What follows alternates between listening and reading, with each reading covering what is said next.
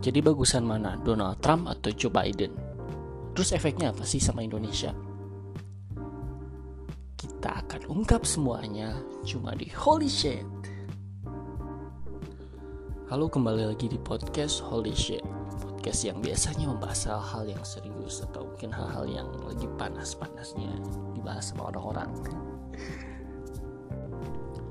Kali ini gue membahas tentang yang lagi heboh kemarin-kemarin ya seminggu kebelakangan inilah tentang pilpres Amerika Serikat yang mempertarungkan presiden petahana Donald Trump dengan lawannya ya dari Partai Demokrat Joe Biden.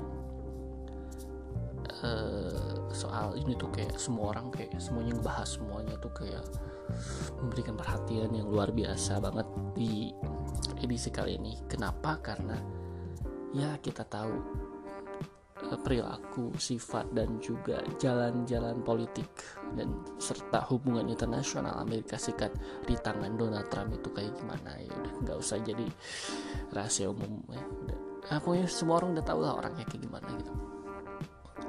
Nah eh, dunia tuh memantau itu karena nggak semua orang suka sama gaya kepemimpinan Donald Trump. Banyak sekali yang gak suka seperti Uni Eropa. Uni Eropa gak suka banget Donald Trump. Tentu juga China Tiongkok ya. Xi Jinping tuh musuhnya eh gila tapi ada juga beberapa wilayah atau ya banyak yang berkesimpulan meng mengesimpulkan bahwa di masa Donald Trump ini eh, Timur Tengah nggak terlalu bergejolak ya. Kata siapa apa aja Surya kayak gitu gitu. Apa aja. Cuman ya emang mungkin entahlah ada efeknya secara langsung atau tidak dengan uh, masa kepemimpinan Donald Trump atau tidak. Tapi intinya sih lebih banyak kontranya lebih banyak orang-orang nggak sukanya sama Donald Trump di dunia internasional gitu ketimbang sukanya. Dan di wilayah Amerika sendiri Donald Trump itu um, bener-bener apa ya public enemy gitu. Kayak kan kemarin juga di 2016 mereka eh dia menangnya juga nggak terlalu gede sih. Nggak terlalu maksudnya dengan Hillary Clinton Hillary Clinton lebih banyak suaranya tapi kan Donald Trump menang di electoral electoral college ya gitu lebih gede. Jadi ya sebagian besar suara Amerika warga Amerika itu ya lebih milih Donald Trump. Meskipun ya ada sesuatu di balik itu ya yang di balik suaranya Hillary Clinton. Ya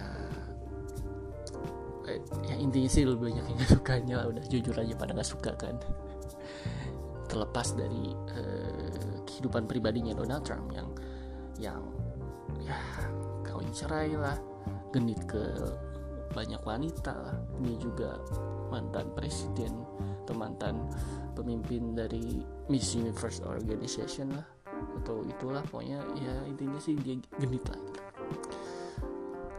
Lalu tiba-tiba nih di 2020 nggak tiba-tiba juga sih kayak orang-orang tuh kayak langsung memproyeksikan uh, pentolan dari partai Demokrat itu Joe Biden untuk maju mewakili Partai Demokrat dan maju mewakili sebagian besar suara rakyat Amerika yang humanis yang bertutur kata lebih baik jauh lebih baik daripada Donald Trump yang juga um, terlihat memihak banyak sekali pihak gitu kayak dia nggak cuman mendukung satu dua uh, pihak aja tapi semua dirangkul gitu.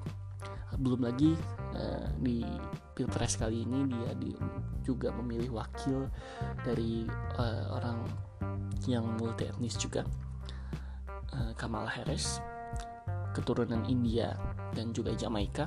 Jadi Asia plus uh, kulit hitam dan itu sangat-sangat unik juga. Dan itu sangat-sangat mewakili banyak sekali uh, minoritas dan ya masyarakat yang bukan kulit putih di Amerika.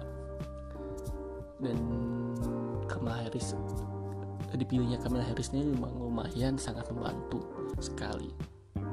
Uh, terpilihnya kemarin ya. Joe Biden gitu ya hasilnya ya wow gitu. Sesuai dengan ekspektasi banyak orang bahwa Joe Biden akan memenangkan pilpres kali ini. Oke cukup. Itu intronya kayak semua orang udah pada tahu kan. Semua orang udah pada tahu tentang hasilnya Joe Biden akhirnya unggul di Electoral College dan juga suara mayoritas. Banyak sekali pemimpin dunia yang sudah memberikan ucapan selamat kepada Donald Trump. Eh maaf Joe Biden. Namun um, apakah Joe Biden semulus itu sesuci itu dan sebersih itu? Ini yang akan kita bahas. Dan kira-kira efeknya apa sih sama Indonesia? Dari mata saya pribadi sebagai pengamat atau bukan pengamat ya saya nggak pantas bilang pengamat cuman ya suka aja sama politik internasional yuk bahas jadi di masa kepemimpinan Presiden Barack Obama, Joe Biden ini juga uh, merupakan wakil presiden Amerika Serikat. Jadi beliau adalah wakil presiden yang mencalonkan diri jadi presiden dan akhirnya terpilih gitu. Dan sekarang jadi presiden. Nah di masa kepemimpinan Barack Obama sebenarnya sih jarang terekspos ya sama media Indonesia. Tapi kalau kalian sadar di masa Obama itu Amerika benar-benar gencar-gencarnya uh, nyerang Timur Tengah, gencar-gencarnya memberikan apa yang kalau istilah Indonesia itu APBN gitu ke militer gitu ke biaya gitu ya. Intinya perang lah ini perang perang perang perang perang perang perang perang dan Joe Biden juga sangat sangat uh, ada di belakang itu semua gitu. Dengan kata lain Joe Biden support perang itu kasarnya gitu. Cuman karena di Indonesia itu ketutupan sama uh, sejarahnya Barack Obama yang punya kehidupan di Indonesia jadinya orang-orang Indonesia nggak terlalu ngeh mungkin ya. Mungkin sebagian yang like politik atau suka sama politik internasional mungkin nggak ngeh tapi sebagian besar enggak. Kayaknya mungkin menurut mereka Barack Obama ya aman-aman aja padahal not really itu sih. Jadi kalau um, banyak jokes banget di tweet di TikTok ya. Ya kemarin tahu ketawa mungkin kayak ironi aja sih lebih ke kalau misalkan perbedaan Donald Trump dan juga Joe Biden itu dari cara ngomongnya aja misalkan gini Donald Trump bakal bilang saya kalau bahasa Inggris saya enaknya I will pump the Middle East.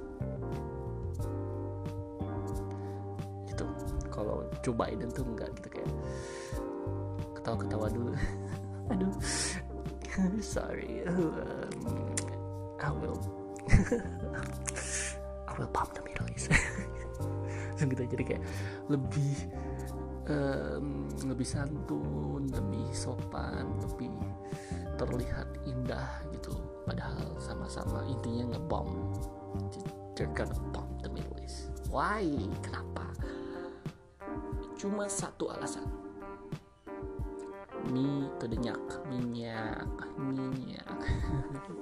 Ya udah jadi rahasia umum lah ya kayak mereka tuh memut meng, apa namanya memberikan uh, opini ke publik bahwa A B C D E F G sebenarnya intinya duit duit minyak dijual duit. Mereka yang menguasai dunia gitu. Amerika yang menguasai dunia. Dan salah satu cara untuk menguasai dunia adalah lewat minyak.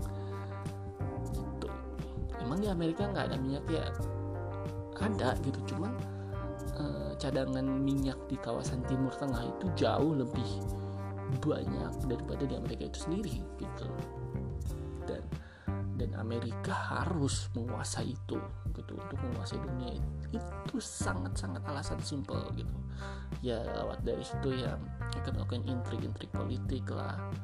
Saya nggak bilang saya percaya sama teori konspirasi yang bilang bahwa uh, Timur Tengah itu hancur gara-gara Amerika. Kan kan ya kelihatannya sih gitu. Itu sih intinya ya. Kalau saya pribadi gitu ya bakal bilang Donald Trump ataupun Joe Biden bakal sama-sama aja. Atau mungkin kalau urusan perang bakal lebih galak. Joe Biden. Sorry.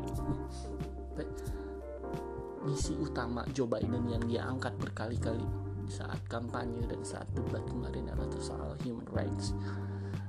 Jujur itu agak sedikit bertolak belakang dengan apa yang telah dia lakukan semasa ia menjabat sebagai wakil presiden timur tengah jadi terbengkalai terbelakang gitu kayak ya udah gitu. Nah um, di masalah human rights ini dia tegas banget gitu.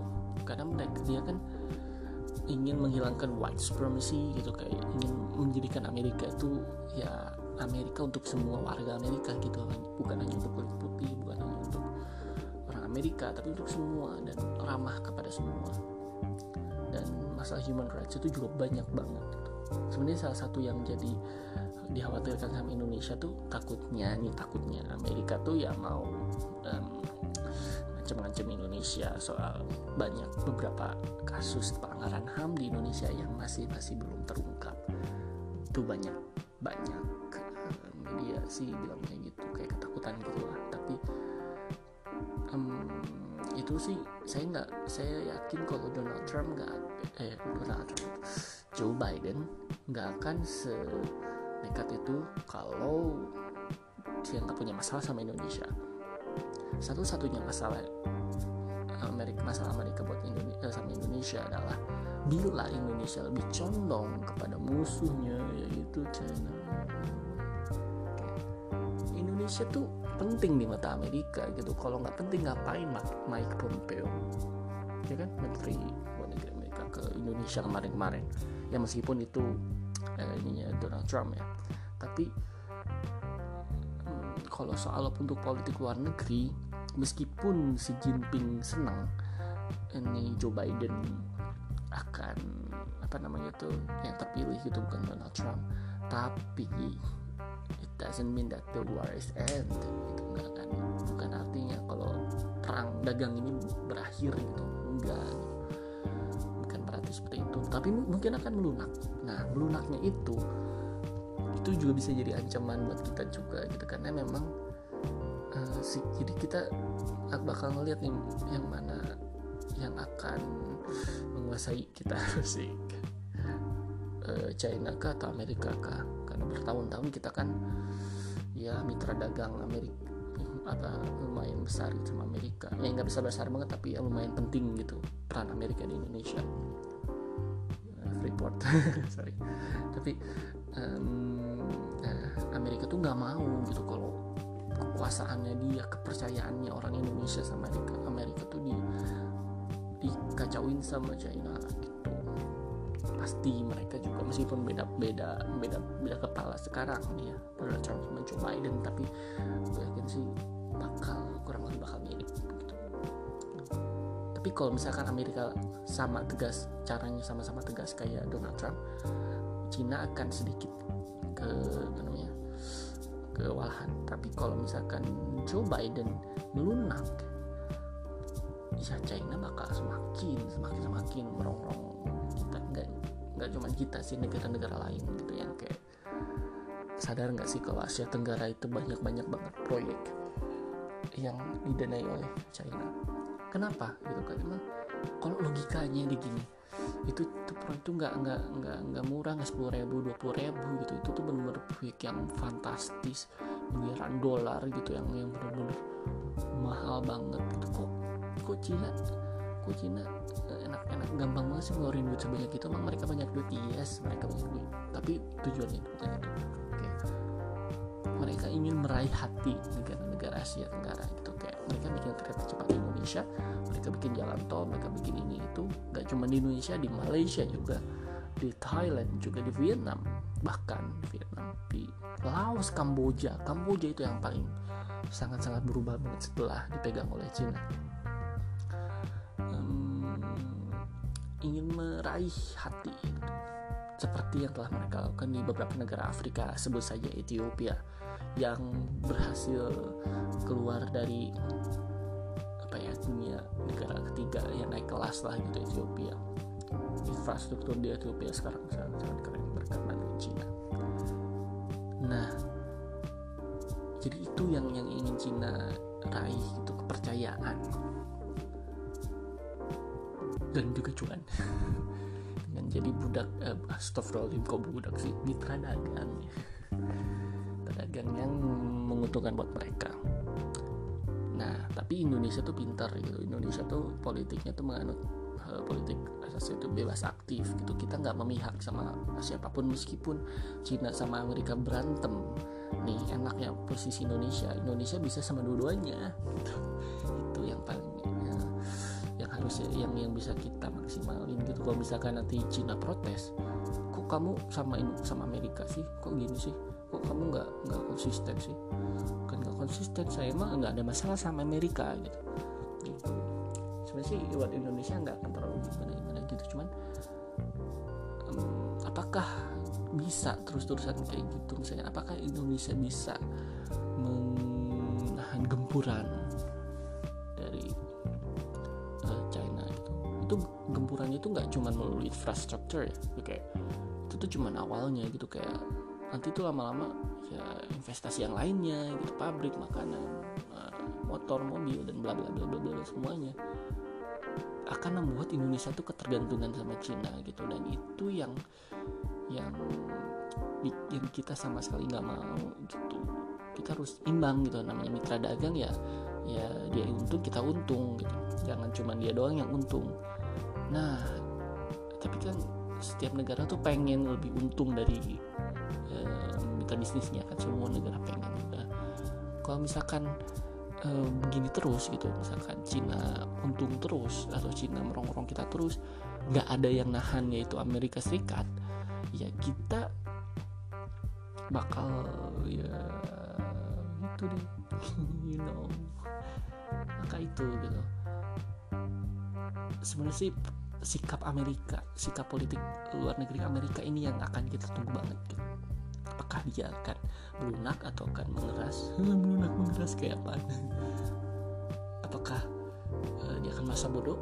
Nggak mungkin masa bodoh ya kita cuan buat mereka. Ya pokoknya tungguin aja sih. Kita tungguin, tungguin gebrakannya beberapa bulan ke depan apa yang akan dia lakukan apa yang akan dia Joe Biden pilih baik uh, untuk sikap Amerika terhadap China, sikap Amerika terhadap Uni Eropa yang juga diuntungkan kalau Joe Biden menang. Donald Trump tuh benar-benar uh, ngacak-ngacakin ngacak-ngacakin lebih ke masa bodoh semuanya sementara mereka butuh Amerika gitu. Nah apakah Joe Biden juga bakal seperti yang orang-orang akan duga gitu lebih lunak lagi lunak kembali uh, dengan para sekutunya di Eropa? Atau gimana dan juga di Amerika Latin gitu yang beberapa negara kalau Brazil itu benar-benar temennya Donald Trump banget ya. Kalau kayak Venezuela tuh juga nungguin gitu Meksiko Meksiko juga sebenarnya temannya Donald Trump. Ya lihat ini benar-benar asik sih. Kita bakal lihat beberapa kejutan kejutan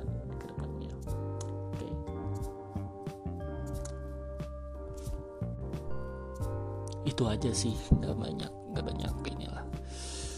Nggak banyak pendapat saya karena memang baru terpilih dan kita juga nggak bisa berharap banyak juga tapi kita juga nggak bisa melupakan nggak bisa menutup mata kita gitu bahwa ini penting gitu untuk Indonesia. Itu sih. Sangat berpengaruh juga. Yuk. Demikian podcast kali ini terima kasih telah mendengarkan sampai habis. Sampai jumpa di episode-episode podcast lainnya. Di Holy Shit